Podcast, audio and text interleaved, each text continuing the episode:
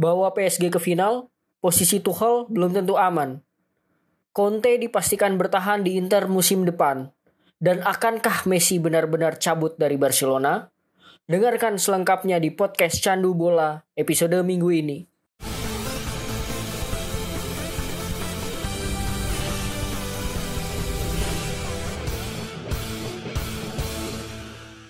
Hey, hey, hey, selamat datang di Candu Bola, sebuah podcast olahraga persembahan dari The Talkative Guy, and this is your host, Bobby. Tentu aja kali ini gue gak sendirian nih, dan ada partner gue untuk di podcast olahraga, khususnya bola nih kali ini nih. Ada juga Adit. Halo, Dit.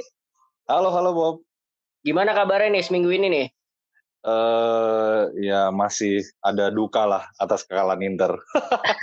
Oke, nah ini kita sebelum bahas tentang Conte nih karena ada episode lanjutan yeah, dari yeah, Conte yeah. kemarin kan. Uh, uh. Kemarin kan minggu lalu nih kita ada final Liga Champion ya. UCL betul betul. Uh, antara PSG sama Munchen. Kalau dari lo sendiri jagoin siapa sih? Uh, Sebenarnya kemarin gua menjagokan seimbang sih karena dua-duanya punya sosok pemain Inter juga di situ kan ada hmm. Icardi walaupun udah resmi berseragam PSG satu lagi uh, Perisic tapi mungkin gue kalau ditanya lebih condong ke uh, condong ke Bayern Munchen karena kalau Bayern Munchen menang dan Perisic main bagus ada indikasi Perisic dipermanenkan jadi dia cabut hmm. dan jadi fresh money buat Inter. Oke oke oke. Jadi Munchen gue, Munchen, cenderung Munchen okay. lah. Nah kalau gue sebenarnya jagoin justru PSG sih karena oh, berdasarkan pertandingan kemarin nih, Hmm. Gitu kan gue nonton nih. Emang sebenarnya kalau dari segi permainan lebih atraktifan PSG nih karena kan PSG. terbuka, menyerang kayak gitu dan yeah.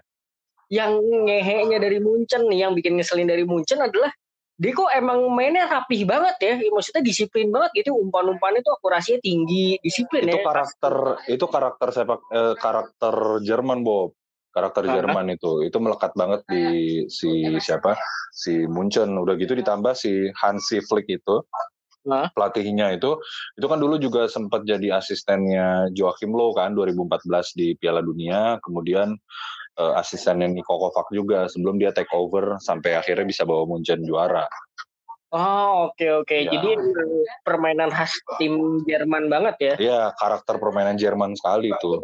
Hmm, ini sih disiplin banget dan kayak cuman sekali umpan tuh si Kimmich itu langsung nemu komen langsung gol aja. Gitu iya, sih. iya, sangat efektif, benar-benar. Dan benar. ya mungkin kayak kelihatan juga emang Munchen mentalnya kali ya kalau misalkan di final daripada PSG gitu kan. Ya, mental itu mungkin dari internal Munchennya sendiri udah kuat. Kemudian ditambah dia uh, overconfidence kan, habis ngebantai Barca 8-2. Benar-benar, apalagi ini ya. jadi treble kan nih ya, ya akhirnya kan betul, juara. Iya, Dan betul, betul. Ini juga setahu gua final pertamanya PSG selama sejarah kan nih ya. Betul, untuk untuk Liga Champion iya, betul. Sayang ya sebenarnya final kesempatan dia padahal. Benar. Nah ini ada yang menarik nih kaitannya juga dengan calon pelatih Inter tadinya gitu kan kayak ada berita kalau Thomas Tuchel itu tuh mau dipecat malah malah diganti mau Allegri. Nah menurut lu gimana nih? Sebenarnya kalau menurut gua itu terburu-buru sih. Maksudnya uh, mungkin tapi uh, ekspektasi dari PSG ini cukup tinggi kan. Menurut gua achievement yang udah diperoleh uh, Tuchel bersama PSG udah bagus sih. Ini musim pertama musim pertama atau musim keduanya Tuchel ya? Musim kedua setahu gue. Musim musim kedua ya. Di musim keduanya ini mereka berhasil Ligue 1 menang, kemudian uh, eh, UCL sampai final nah, gitu. Walau, walaupun memang, lagi. Ya, walaupun jalan ke finalnya pun bisa dibilang relatif nggak menemukan tim yang berat sih ya. Benar. Kemudian uh, 8 quarter final kan Atalanta. Walaupun Atalanta memang rising star. Kemudian di semifinal dia ngalahin Leipzig. Jadi memang dua tim itu kan sebenarnya bukan nggak punya sejarah yang kuat juga di Liga Champions. Nah, uh, kalau menurut gua sih baiknya PSG mempertahankan sih karena belum tentu juga diganti dengan Allegri uh, achievement yang dicapai musim ini minimal sama di musim depan. Berat. Tapi kalau uh, if Allegri ke PSG cocok gak sih dengan gaya permainannya? Tentunya nanti PSG akan menyesuaikan dengan gayanya Allegri walaupun Allegri punya fleksibilitas yang tinggi dalam hal taktik. Jadi PSG ini kan sekarang dia pakai 4-3-3 kan. Nah, itu formasi yang sebenarnya cukup familiar juga digunakan oleh Allegri walaupun pakem dasar Allegri itu kan 4-3-1-2. Kalau Allegri mau memaksakan 4-3-1-2, duet strikernya itu bisa Neymar, uh, Bape, kemudian disokong sama satu trequartista. Kalau dari line up-nya PSG sekarang mungkin yang bisa mengisi posisi itu di Maria, karena dia punya kreativitas tinggi kan. Kecuali dia beli pemain uh, tambahan dari luar ya, misalnya nih dia ngincar hmm. Eriksennya Inter, bisa juga.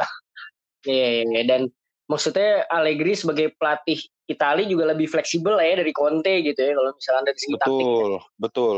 Eh, Allegri itu inilah ibaratnya eh, nggak uh, banyak nuntut, nggak banyak mau. Itu orang ya fleksibel lah dan adaptif terhadap komposisi skuad yang ada. Dia pernah juga sih waktu hmm? di Milan 2010 di musim pertama di Milan kan dia juara, di musim kedua dan ketiganya kan uh, apa cenderung mengalami penurunan karena Milan mulai mulai ditinggal bintang-bintangnya kan saat itu si yeah, yeah. Ibrahimovic cabut, Pirlo cabut, nah, komponen pentingnya itu mulai cabut, Allegri-nya mulai goyah.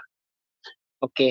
Nah ini ada yang menarik juga nih soal PSG, hmm. di mana kita bahas tentang Icardi. Icardi itu jadi pemhangat bangku cadangan termahal di final kemarin. Itu iya benar. Gunanya dia di PSG itu sebenarnya apa nih dit? Sebenarnya kalau uh, apa mau memaksimalkan, mengoptimalkan si Icardi, hmm. PSG itu kan bisa pakai 4-3-3 dengan Neymar di penyerang kiri, Icardi di tengah, Mbappe di kanan. Itu itu sebenarnya ah. tujuan awal gitu. Karena Icardi kan fungsi apa tujuan di res, dipermanenkan oleh PSG itu kan sebenarnya untuk uh, replacement dari Cavani yang akan cabut dan udah tua. Uh, itu kan nggak murah juga mempermanenkan Icardi. Cuma memang uh, itu akan jadi PR PSG ke depan sih, karena Icardi ini kan punya agennya itu istrinya sendiri kan, Wanda Wanda Icardi. Nah, Wanda Wanda Icardi ini terkenal cukup rewel dan sering recokin urusan suaminya. Itu yang terjadi di Inter dulu. Tapi dari segi permainan dia belum terlalu adaptasi ya sama PSG ya. Apa gimana sih dia? Dia di awal musim di setengah awal musim bagus, lumayan rataan golnya tuh cukup tinggi loh, cukup produktif. Cuma gue ngeliat terakhir apa posturnya dia pasca kan Likang tuh selesai lebih dulu kan. Kalau nggak ah. salah di match berapa pekan berapa udah di stop dengan PSG langsung dijadikan juara. Nah setelah itu kan ada jeda yang cukup panjang. Kayaknya itu momen di mana Icardi nggak bisa ngejaga fisik dan uh, badannya. Kelihatan lebih gemuk. Seperti sama Suarez di Barcelona. Oh oke okay, oke okay, oke. Okay. Oh. Padahal maksudnya kayak ya kalau nggak ada permasalahan internal kayak sama agennya yang merupakan istrinya sayang aja pindah dari Inter gitu ya. Jadi sebenarnya ya. Uh, karena memang dia nggak dibutuhin juga sih sama Conte. Conte itu lebih memang mencari striker yang punya fisik kuat kayak Lukaku. Oh. Walaupun sebenarnya dari segi permainan mereka sama-sama bisa holding uh, holding the ball ya artinya uh, dari belakang passing ke depan hmm. terus mereka tahan bola dulu sampai nanti pemain tengah yang lain merangsek naik ke depan. Cuma memang Lukaku punya keunggulan di uh, fisiknya lebih kuat dan lebih tinggi untuk bola udara. Benar, Walaupun benar. Position, positioning Icardi juga cukup bagus sih menurut gua selama di Inter. Dia juga lumayan kok itunya apa statistik golnya di Inter. Iya iya ya. maksudnya hmm. sayang aja kemarin PSG nggak masukin Icardi gitu loh. Maksudnya kayak ya udah all out aja ya, gitu kan di final. Betul iya. betul. Betul. Sayang aja. Nah ini kalau ada fakta menarik juga dari Bayern Munchen nih. Kalau tadi kan PSG nih. Kalau Bayern Munchen hmm. tuh yang pertama kayak tadi lo bilang Hansi Flick itu ternyata dia belum semusim udah tiga trofi kalah cuma dua iya, kali. Betul, betul, betul hebat, hebat itu, betul itu Flick karena emang filosofinya bawaan dari asisten Joachim Low kali ya maksudnya dia udah kayaknya, paham kayaknya, gitu ya Betul, dia dapat apa uh, knowledge dan experience yang banyak banget dan berharga banget dari si Joachim Low kan. Dan dan di periode itu juga skuad Jerman kan cukup terengginas. Benar, benar, benar lagi gila-gila. Ya, dia dia dia bisa menerapkan filosofi Jerman ke Bayern Munchen. Oke. Nah ini ada satu lagi nih fakta menarik nih. Kalau hmm. pencetak gol di final kemarin tuh si Kingsley Coman itu ternyata baru usia 24 tapi udah gelarnya udah 20 dia pindah-pindah yeah. tapi udah ke 20 Gila juga tuh orangnya. Enggak, karena dia kalau tidak salah kan awalnya di PSG, kemudian ah. pindah ke Juve. Juve. Dan dari Juve pindah ke pindah ke Bayern Munchen. Artinya tiga tim itu sebenarnya notabene punya pencapaian di liganya, khususnya di liga apa liga utamanya eh, bagus, selalu juara liga kan. Mendominasi ya. Mendominasi. Kebetulan aja, kebetulan aja memang timnya tim yang langganan juara liga di beberapa tahun terakhir ini. Jadi koleksinya pun bertambah. Tapi sebenarnya sebenarnya menurutku si Kingsley Coman itu emang pemain yang ya berbakat banget. Bagus. Apa sebenarnya biasa aja? Berbakat, berbakat. Bahkan di Pro Evolution Soccer itu salah satu pemain yang gue pakai. di PES. Hmm. Kalau gue main PES di Master League itu selalu gue beli tuh Kingsley Coman. Winger dia. Pos sayap kiri, betul. Dia punya speed yang kencang. Oh oke okay, oke. Okay. Dan bahkan dia tuh di 2018 dan 2019 sempat cedera dan pengen pensiun katanya ini. Betul betul sempat cedera panjang. Betul sempat cedera cedera panjang. Emang bener-bener karirnya berubah drastis banget ya dan klubnya tuh iya. bagus-bagus gitu loh. Itu tuh iya. hebatnya iya. sih. Nah ini kita langsung bahas tentang lanjutan Conte kemarin gitu kan setelah okay, kemarin rapat di hari Selasa ternyata Conte bertahan nih tanggapan iya, lu gimana itu sih kaget gak? Agak di luar prediksi sih ya Conte bertahan bahkan bertahannya pun dengan direktur olahraga si Ausilio dan BP Marota tiga-tiganya bertahan. Gua yang gue baca dari media masa Itali itu peran dari Stefan Zhang uh, presiden Inter itu cukup fundamental di negosiasi itu. Tadinya kan sebenarnya kalau Conte bertahan, Ausilio cabut karena mereka memang gak cocok. Cuma eh, atas peran si Steven Zhang ini, dia hmm. bisa menjadi mediator lah buat di kondisi Inter kemarin. Tiga-tiganya bertahan. Itu di luar prediksi sih. Dan di luar di luar prediksi dan di luar harapan banyak Interisti yang berharap memang sebenarnya Allegri yang untuk mengisi posisi Conte. Oke. Okay. Nah, nah ini kan katanya dia hmm. bertahan karena akhirnya dikasih, dikasih kuasa penuh gitu kata si Steven Zhang ya. Emang bener dan tanggapan lu gimana? Sebenarnya uh, komplain Conte di beberapa bulan yang lalu itu kan uh, selain faktor bursa transfer pemain, Hah? dia juga mau uh, manajemen itu itu melindungi pemain dan juga pelatih Inter. Jadi kalau bisa konflik yang konflik internal yang terjadi di Inter itu nggak sampai ke media. Itu yang sebenarnya selama ini terjadi. Jadi sering di blow up oleh media apa pun yang terjadi di Inter. Nah Conte nggak mau itu karena itu mengganggu kondusivitas di seluruh tubuh Inter nah mungkin kalau untuk di bursa transfer eh, kemarin ada sih beberapa transfer yang memang di luar kemauan Conte kayak misalnya Erikson. Nah, cuma hmm. pertimbangan dari Inter adalah saat itu Erikson punya harga yang murah karena udah mau habis kontraknya kan. Dia cuma direkrut 20 juta, padahal harga pasarnya itu bisa sampai 70. Nah, ini Inter sebenarnya kalau mau jual Erikson bisa jual di angka 60, artinya ada margin 40 juta keuntungan untuk Inter yang bisa digunakan untuk beli pemain lain lagi. Kalau memang Conte nggak mau menggunakan jasanya Erikson. Oke, jadi menurut lo plus minus dengan Conte bertahan apa nih? Sebenarnya kalau untuk sisi positifnya kalau misalnya Conte Conte memang apa Conte memang apa komit ya dengan Inter hmm. dan tidak mundur di tengah jalan dia udah membangun fondasinya cukup bagus untuk Inter dengan pakem 352. Dengan hadirnya Conte semusim kemarin sebenarnya udah memangkas memangkas gap yang cukup besar dengan uh, Juve. Gue bahkan percaya sih di musim depan uh, apa apabila Inter bisa memenuhi permintaan transfer Conte, Inter bisa juara karena Juve juga lagi masa transisi kan bergantikan Pirlo. Cuma memang ya itu butuh komitmen juga dari manajemen Inter untuk memenuhi per, pemain permintaan Conte. Kemudian kalau dari sisi negatifnya uh, ya itu tadi orang ini kan gampang meledak, berbahaya lah sebenarnya potensi kayak bom waktu, sewaktu-waktu bisa meledak dan itu dampaknya lebih besar lagi buat Inter. Oke okay, oke. Okay. Nah ini kan gue baca di berita nih kemarin hmm. yang udah fix transfer itu Kolarov ya ke Inter katanya ya. Uh, resmi belum, cuma mungkin kalau mau di presentasi udah 90% sih. Uh, hmm. Kemarin itu Inter minta di harga satu satu setengah juta euro, Roma masih minta di angka dua. Kolarov ini juga lumayan mengagetkan ya, karena selama ini Inter nggak pernah dikaitkan dengan Kolarov selain di musim 2010 dan di 10 tahun terakhir ini. Hmm. Uh, mungkin bisa direalisasikan ketika umurnya udah 34 ya kalau nggak salah. Iya 34. Kalau selanjutnya katanya lagi ngincer Vidal. Ya, nah ini menarik juga nih ngebahas tentang Vidal. Karena Conte bertahan, akhirnya eh, beberapa transfer Inter yang sebenarnya sudah hampir bisa direalisasikan itu tertunda. Kayak misalnya Sandro Tonali, gelandang bertahannya iya. Brescia. Itu awalnya sudah punya kesepakatan personal dengan Inter lewat BP Marota. Cuma karena si Conte ini bertahan, uh, target transfer prioritasnya berubah. Akhirnya sekarang fokus mengejar uh, Vidal dan Kante. Vidal itu kan karena memang, gue nggak tahu ya statusnya di Barca apa udah diputus kontrak atau memang masih di Barca di, masih ya cuma kalau nggak salah harganya tuh udah, udah tinggal 15 juta euro sih jadi memang fokus Conte itu eh, mendatangkan pemain senior dulu untuk me, apa ya memperbaiki situasi di uh, apa ruang ganti pemain dan juga mungkin menyuntikkan semangat juga berkat pengalamannya ya, pengalaman Kolarov dan Memang dan juga Vidal. Maksudnya butuh pemain yang emang mental juara gitu ya. Instan, ya, ya betul, uh, mental juara dan punya, berharap hasil instan gitu loh. Nah, akhirnya Sandro Tonali ini terpinggirkan. Nah, Sandro Tonali di satu sisi mulai dideketin sama Milan dan yang yang sudah cukup intens. Bahkan uh, Maldini pun uh, turun langsung dalam uh, pendekatan si Tonali. Banyak sih Interisti yang kecewa kenapa Inter Inter fokus ke pemain-pemain yang ke pemain-pemain tua gitu loh.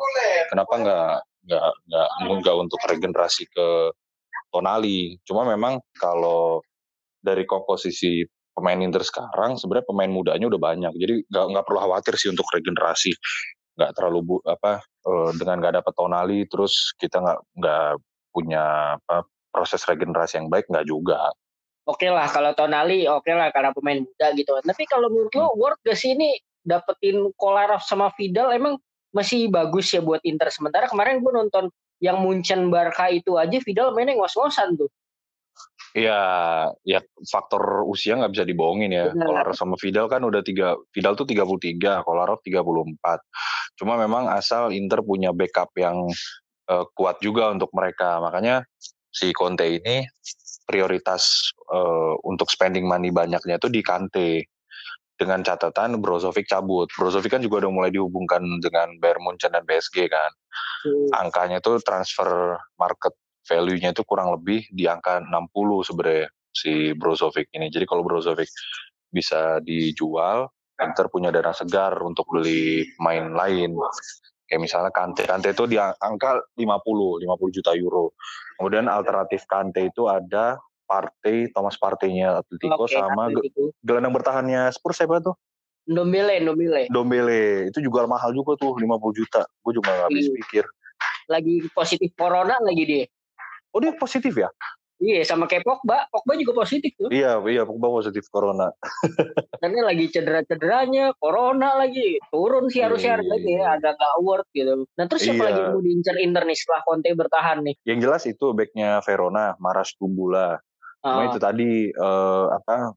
Yes, uh, karena corona ya, karena corona uh, Inter mesti hati-hati banget dalam apa melakukan penjualan dan pembelian, khususnya pembelian ya karena statusnya sekarang Inter bisa beli pemain kalau udah ngejual. Jadi makanya eh, sekarang berharap banget Skriniar bisa cabut. Sekarang kan Skriniar bahkan ditawar masuk dalam paket penawaran Kante untuk eh, tukar guling. Jadi misalnya eh, harganya kisaran harganya sih sebenarnya sama. Skriniar tuh sekarang ada di angka 50 atau sebenarnya eh, tereduksi 20 juta euro sih awalnya pasarannya 70 juta, cuma karena performanya turun, jadi sekarang di sekitar 50. Jadi misalnya kalau ditukar dengan Kante bisa, bisa juga untuk nambah opsi Chelsea juga kan di lini belakang. Kalau untuk striker sebenarnya tergantung dari Lotaro. Kalau Lotaro cabut, ada kemungkinan Inter guide striker uh, lain. Karena Conte mungkin Zeko. Karena Oke, Conte bertahan tua mungkin lagi ya. Tua lagi, bener.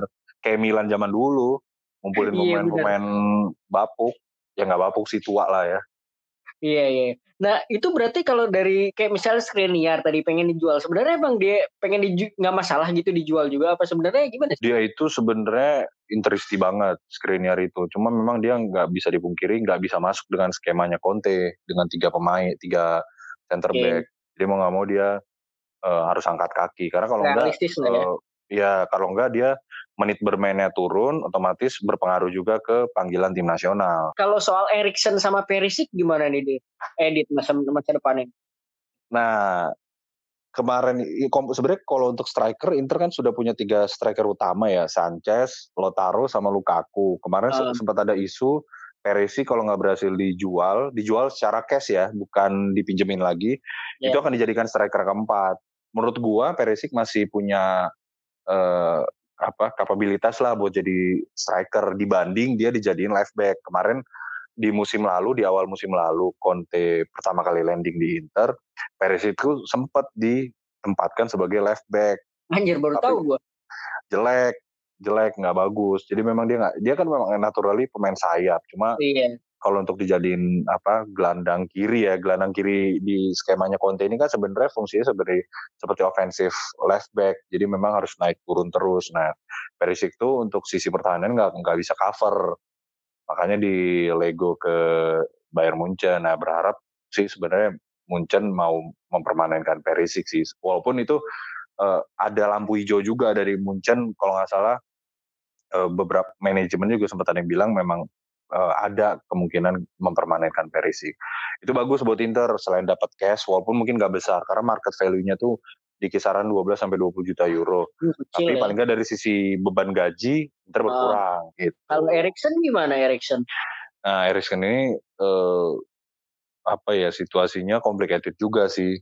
Apakah Inter mau menyesuaikan Erikson atau Erikson menyesuaikan Inter? Karena kalau dengan skemanya Conte yang sebenarnya 352 uh, Erikson tuh kurang bisa masuk sih di di skema tiga gelandang sejajar. Hmm. Dia kan lebih ke trequartista atau gelandang serang. Kalau mau mengakomodir Erikson, Conte harus pakai tiga empat satu dua. Itu memungkinkan. Makanya uh, Conte apa target pemain yang diincar sekarang tuh cenderung yang punya insting bertahan tinggi kayak misalnya kan Kante dia kan uh, secara alami sebenarnya posisinya defensive midfielder kemudian Dombele terus uh, Partey itu kan tiga-tiga sebenarnya gelandang bertahan. Nah, yeah. missingnya Inter di musim ini dia nggak punya gelandang bertahan yang tangguh. Selama ini kan Gagliardini uh, bisa dilihat sendiri rapornya Gagliardini. Yeah. Dari segi postur juga kurang ya. Tinggi sih dia memang sebagai. Tapi nggak nggak berisi gitu kayak kurus gitu loh maksudnya. Iya benar. Ya Sergio Busquets juga sih sebenarnya. Cuma mungkin Gagliardini lebih kelemar-kelemar kali ya. Nah, iya, iya. kalau Inter udah bisa dapat satu gelandang bertahan yang kuat, let's say Kante, Eriksen, Eriksen ini lebih tenang ditempatkan sebagai gelandang serang. Kante itu nanti double pivotnya sama Barella yang memang sebenarnya posisi aslinya adalah box to box. Jadi memang yang untuk da, pemain dengan daya jelajah yang tinggi. Barella dia nggak akan naik turun naik turun, kemudian Kante yang stay di ah. belakang. Nah, Eriksen fokus untuk supply ke dua strikernya Inter. Oke, eh, eh, ini kalau misalkan Erikson berarti kalau dari Conte sendiri belum tahu pasti ya bakal dijual atau gimana gitu ya? Uh, yang jelas dia dibilang pemain yang nggak tersentuh, nggak karena memang okay. bahkan Erikson sendiri lebih sering di bangku cadangkan. Jadi uh. mungkin akan tergantung dari apakah Inter bisa mendaratkan gelandang bertahan yang tangguh. Kalau bisa, Erikson bisa dimainkan kembali sih dengan tenang karena udah dapat backup di lini tengahnya, nggak bolong. Hmm. Oke, ini gue jadi inget ini nih ngomongin strikernya Inter itu kan ada salah satu yang katanya wonderkid nih yang kata Esposito ya Sebastian Esposito, Esposito. ya Sebastian Esposito. Gimana sih bagus apa enggak apa gimana tuh dia? Dia bagus, tinggi 186 cm deh kalau nggak salah. Cuma hmm. masih terlalu belia, makanya eh, sebenarnya Inter menempatkan dia di eh, apa di untuk opsi apa dipinjamkan atau sebagai paket eh, beli pemain. Misalnya kayak kalau nggak salah sih untuk beli apa Maras Kumbula itu salah satu paketnya adalah Inter meminjamkan si Esposito. Cuma memang nggak dijual. Jadi hanya dipinjamkan aja. Ya karena di Inter dia akan akan jadi pilihan keempat sih. Nah ini yang hot topic terakhir minggu lalu ini adalah ya orang pasti tahu lah ngomongin soal Messi gitu kan. Oh iya karena katanya mau cabut nih sampai ada para fans Barca sampai pada demo di Camp Nou segala macam gitu kan. Iya. Terus gue menemukan satu artikel yang menarik bahwa katanya Steven Zhang presidennya Inter itu siap cari sponsor buat dukung Messi ke Inter. Itu emang possible deh. Uh, Wah menarik sih. Gue sebenarnya kalau ngebahas Messi ke Inter itu agak meno uh, bukan menolak sih, apa agak menjauh karena ketika udah bahas Messi ke Inter sebenarnya literatur atau artikel yang bahas tentang possibility Messi nah. didaratkan di Inter itu banyak. Apalagi Steven Zhang itu dia bisa uh, Inter kan ada ada ada kemungkinan juga bekerja sama dengan Alibaba. Dari segi apa uh, materi apa uh, ya uang lah dalam hal ini nggak jadi masalah sih sebenarnya. Mungkin yang jadi masalah nanti di pembayaran gajinya. Gajinya Messi itu tinggi tinggi banget gitu loh. Bahkan Inter memang harus lepas beberapa pemain bintangnya juga untuk bisa dapetin Messi. Walaupun sebenarnya kalau dikalkulasi berapa berapa nominal yang akan Inter keluarkan untuk mendatangkan Messi itu mungkin empat tahun akan kembali lagi dari merchant penjualan merchandise sama seperti Ronaldo waktu di Juve.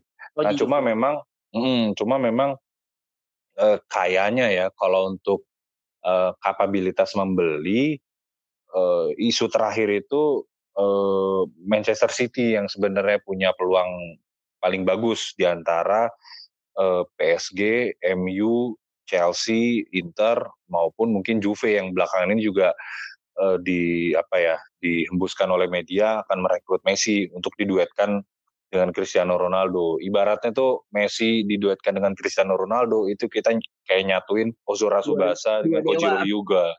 Iya. Itu okay. nggak asik sih, nggak asik menurut gua. Bener, Asiknya dia ke Inter memang. Asiknya dia ke Inter. Tapi kayaknya kalau gua rasa gua rasa rada nggak mungkin sih ya kalau Messi ke Juve terus jadi sama Ronaldo kalau menurut gua ya. Gitu. Ya, Juve pun Juve pun sekarang lagi dalam ya mungkin karena faktor corona ya karena kan hmm. uh, Juve salah satu pendapatan, pendapatan terbesarnya dari apa penjualan tiket kan Juve hmm. Juve Juve kan satu-satunya tim di Italia yang punya stadion sendiri di mana uh, pendapatan tiket itu full masuk ke kantong mereka beda sama tim yang lain harus berbagi lah karena kan uh, sewa kan stadionnya nah Juve pun karena faktor corona ini nggak dapat pendapatan dari tiket, jadi mau nggak mau memang keuangannya juga dibilang bagus juga enggak. Dia bahkan putus Higuain diputus kontrak. Gue lupa yeah. ada beberapa pemain. Kedira juga diputus kontrak. Dua pemain itu kan punya gaji besar memang, walaupun uh, umur mereka juga sudah tua. Nah ini kita tarik mundur dulu ke zaman kemarin Barca kalah lawan Munchen gitu kan 8-2. Hmm. Terus kan hmm. kayak ada isu-isu Messi pengen cabut. Nah akhirnya kemarin dia lewat agennya bilang katanya pengen cabut beneran gitu. Nah menurut lu ini karena faktor emang mentalnya Messi kurang gak kayak Ronaldo apa emang gimana sih dia legenda Barca gitu loh. Kenapa lagi jatuh-jatuhnya malah pengen cabut? Gue nggak tahu ya. Kalau nggak salah, oh, kalau gue salah koreksi ya. Nah. E, begitu Ronald Koeman resmi diangkat jadi pelatih Barcelona, dia sempat bilang kan nggak ada pemain yang dapat privilege khusus dan itu berlaku untuk semua pemain mungkin atas dasar itu Messi mengeluarkan statement keinginan untuk cabut dari Barcelona. Mungkin ya, gua gua lupa. Iya benar-benar sih kayak gitu. Bahkan sebenarnya Ronald Koeman pun cerita ke Messi bahwa dia sebenarnya part of the plan. Tapi ya nyatanya responnya Messi kayak gitu kan lewat agennya gitu. Menurut lo ini emang maksudnya ya kalau menurut gue sih nilainya kayak mentalnya so, sebagai seorang calon legenda agak kurang sih ya di saat klub yang dia bela dari muda terus lagi jatuh-jatuhnya dia malah kayak merusak harmonisasi tim segala macam katanya kan kayak gitu ya. Hmm, hmm. Ini ada gebrakan memang sih yang dilakukan oleh Ronald Koeman. Tapi menurut lo lebih lebih baik gitu. Maksudnya kan ini ada dua pilihan nih. Dia udah ganti hmm. pelatih nih Ronald Koeman. Menurut lo hmm. emang ya udahlah Messi masanya udah habis pindah aja. Sebenarnya ya harusnya stay gitu. Ini pandangan dari uh, fans netral aja nih kita berdua kan ya. Hmm, kalau menurut gua sih baiknya ya, baiknya bagi Barcelona tetap mempertahankan Messi sampai dia pensiun di situ sih, karena eh, dengan Messi cabut, image Barcelona bisa bisa berbeda. Berbeda Benar. tuh ya bisa positif, bisa negatif. Sih. Cuma mungkin kecenderungannya ke arah uh, negatif. Apalagi ditambah nanti kalau misalnya achievement dari Barcelona eh, nggak uh, bagus juga. Kalau misalkan Messi ke hmm. Inter, bakal ngerusak harmonisasi tim nggak sih? Secara katanya dia ada berita kalau di Barca tuh maunya ngumpul sama yang itu-itu aja, nggak cocok sama beberapa pemain terus dijauhin, nggak kayak kapten lah gitu. Mungkin beda kali Bopek. Ya. Kalau Messi di Barca bisa seperti itu karena dia memang legend di grup hmm. itu dan dia dia ibaratnya lahir dan besar di situ anak akamsi lah anak kampung situ cuma ke rumah yang baru ke tempat yang baru jadi akan menyesuaikan dengan uh, culture di tim itu gitu loh jadi maksudnya kayak ya emang bisa jadi ya Messi kalau misalkan ke Inter ya emang mau nggak mau ya harus emang menyatu sama taktik kayak Conte kayak gitu ya. Betul, apalagi dia akan ketemu pelatihnya sekelas Conte gitu yang dia bahkan kadang merasa lebih besar dari klub si Conte ini banyak mau lah manajemen tuh sering dirongrong. Dan kalau Messi ke Inter, Lotaro harus cabut karena uh, Lotaro yang yang punya uh, market value tertinggi dan memang masuk daftar uh, jual Inter ya yang masih memungkinkan untuk dijual itu lo taruh dan ada nomor punggung sepuluhnya kosong jadinya kan. Iya iya benar. Kalau lo sebagai intristi gitu lebih pilih Messi apa lo taruh nih? Tergantung. Messi cabut dari Barca untuk ke Juve, mending dia ke Inter. Tapi kalau dia nggak ke tim Italia mana pun, gue nggak masalah Messi nggak ke Inter. Hmm, jadi sebenarnya kalau masalah Lautaro cabut ya fan-fan aja gitu ya, asal Messi-nya jangan ke klub kompetitor ya, jangan ke Juve ya. Iya, uh, ya kalau Lautaro cabut, sebenarnya gue salah satu Interisti yang uh, mendukung Lautaro cabut sih, karena bisa dibilang pemain ini dibilang bagus juga nggak konsisten. Ya nggak seperti Aguero dulu lah gitu loh. Jadi menurut gue dijual apalagi dengan harga sampai 91 juta euro atau bahkan klausulnya kan sebenarnya 100 111 juta euro ya. Menurut gua kalau gua jadi manajemen Inter gua lepas. Dengan dengan dapat budget segitu kita bisa bisa beli macam-macam. Bisa nambel tambal sulam inilah ah eh, pos-pos yang yang kurang. Oke. Okay. Kalau gue gue jadi gue gue salah satu interest yang mendukung Lautaro dijual sih dengan harga mahal tapi menarik menarik nah ini yang terakhir nih gue pengen nanya nih kalau menurut lo sebagai fans bola netral gitu sebenarnya Messi itu kalau cabut dari Barca ya. lebih cocoknya ke tim mana sih kalaupun Messi harus cabut uh, eh, gue melihat sebenarnya ini faktor apa nih? Faktor iklim apa gaya permainan Faktor di, lebih kepada gaya permainan di negara tersebut. Kalau gaya permainan yang jelas Messi nggak akan cocok main di Inggris karena Inggris itu kan uh, lumayan keras ya tipikal dan Spanyol ini kan. Jadi kan sebenarnya culture sepak bola atau gaya permainan sepak bola setiap di setiap negara di setiap liga itu kan berbeda. Kalau Itali Itali itu kan terkenal akan taktikalnya. Jadi makanya pemain tua itu bermain di Itali masih bisa. Karena memang uh, apa ya quote and quote nggak capek-capek amat. Nah, beda sama di Inggris. Inggris itu menuntut fisik yang kuat strong. Uh, ya Messi akan kesulitan sih di Inggris menurut gua uh, kalau di Spanyol La Liga itu terkenal dengan uh, skill pemainnya kan apa permainan cantik permainan indah tiki takanya di, di Jerman juga kurang lebih sama sih dia menerapkan permainan uh, fisik walaupun memang uh, apa nggak nggak nggak full dengan fisik sih ada pendekatan-pendekatan tekniknya juga di situ. Menurut gua Messi uh, akan cocok kalau di PSG. Nah, walaupun ya itu tadi ada istilah, ada istilah farmers league kan di mana uh, di mana yang juara di situ ya itu itu aja sebenarnya. Ya di tim kalau menurut gue di PSG sih cocok dari, ya. dari segi uh, biaya juga di, mampu di, lah ya PSG mah. mampu. Atau ya di Itali. Dia kan umurnya udah 33 kan. Dia mungkin jadi akan jadi apa seperti Totti nanti posisinya di belakang striker seperti itu. Ya PSG dan Inter lah. Oke. Okay. menurut gue ya. Ya kalau gue sih sebenarnya kalau ke Inter ada nggak setuju gitu kan karena Inter tim jagoan gue ya udahlah hmm. gak usah dirusak dengan ya mungkin yang tadi yang gue takut gitu kan kayak superior Messi malah mengganggu hmm. harmonisan yang lain malah ntar dia ribut sama Conte gitu kalau menurut gue ya tapi kalau misalkan PSG tapi ada sosok kalau di Inter kalau di Inter ada sosok Zanetti yang mungkin bisa apa ya yang menjadi jembatan lah apabila Messi sama Inter nanti terjadi clash. Ada Zanetti di situ. Makanya Inter menempatkan Zanetti sebagai pos, posisinya sebagai wakil presiden. Sebenarnya bukan secara apa ya eh, kapabilitasnya atau eh, pemikiran hmm. yang dibutuhkan, tapi sosok legendnya itu loh, hmm. maskot timnya itu yang uh, di, di apa di, dimanfaatkan oleh Inter. Itu ya, sih sebenarnya. Dan belum terlalu tua ya. Dan dan itu dan itu ter, ya dan itu terjadi di kayaknya hampir di banyak tim sih. Legend di suatu klub itu diangkat menjadi di jajaran manajemen, diangkat menjadi direktur atau wakil direktur,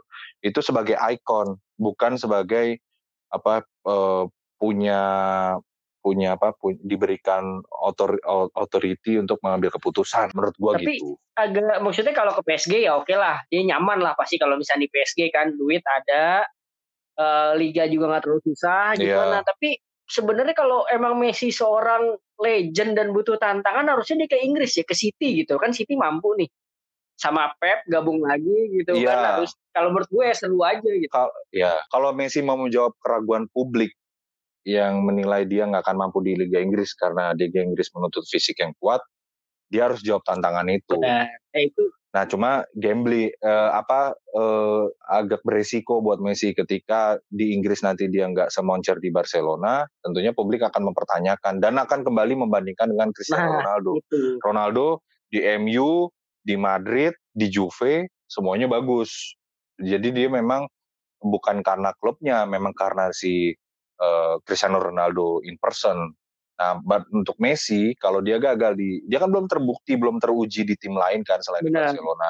Kemarin pun bahkan sebenarnya waktu Barcelona masih ada Xavi dan ya, Iniesta, banyak yang bilang Messi itu ketolong dua sosok ini gitu loh. Sebenarnya dua sosok ini tinkernya dan uh, skippernya Barcelona. Cuma memang ya orang akan melihat ke gelontoran gol yang dilakukan oleh sebuah oleh sebuah tim. Itu memang Messi yeah. waktu itu. Makanya Messi itu uh, ya agak beresiko kalau dia ke Inggris dan dia gagal eh, dia akan dibandingkan ya nggak sekaliber Ronaldo ternyata. Ronaldo udah teruji dan udah terbukti di di liga mana pun dia bisa bagus performancenya bisa stabil konsisten. Benar benar benar. Nah ini kalau ngomongin Messi kayaknya masih saga transfernya masih panjang nih kalau gue lihat gitu kan. Nah coba untuk masih walaupun walaupun gue punya feeling ujung-ujungnya dia bertahan sih di Barcelona. Oh cuman gertak doang karena, nih? Karena uh, Iya, bisa jadi, bisa jadi karena secara global eh, seluruh tim di dunia itu pasti meng sebenarnya mengalami kesulitan keuangan juga karena eh, pandemi corona ini. Benar, benar. Ya itu realistisnya kali ya supaya kayak misalkan nggak ngeribetin klub buat beli dia dengan gajinya dan buyout loss-nya yang lagi diributin juga kan. Iya, terus nanti juga ada potensi klub tersebut kena financial fair play. Itu yang salah satu yang dihindari juga dari. Inter sih, yeah. FFP itu. Inter kan baru baru beberapa musim ini kan lolos dari jeratan FFP. Ya, ya itu tuh gue. Nah, cuma ya jangan sampai kena jatuh di lubang Benar, sama. gitu kan. City aja kemarin udah kena gitu kan. Kalau ngomongin Messi nggak ada habisnya nih. Coba untuk para cabolers gitu kan komen atau DM di Instagram kita. Kalau menurut lo Messi cocoknya stay atau pindah ke klub mana nih gitu biar kita bisa bahas bareng-bareng atau obrolin bareng-bareng gitu kan. Thank you nih Dit ya buat waktunya nih. Thank you juga ditunggu diskusi Siap, berikutnya. nanti kita lihat hot topic seminggu ke depan ada apa lagi nih. Semoga ada kelanjutan berita-berita yang menarik yang bisa kita obrolin kayak gini ya. Jangan cuma ada main-main nih transfer-transfer nih ya. Betul, pasti panas sih. Kalau bicara di masuk-masuk periode transfer tuh pasti setiap harinya uh, panas. Benar. Thank you nih Dit ya. Thank you juga okay. untuk para you, cabulers pendengar thank you, thank you. setia kita minggu ini gitu sampai ketemu di podcast Candu Bola mendatang. Bye bye. Don't forget to follow us on YouTube, Spotify, and Instagram at the Talkative Guy underscore ID.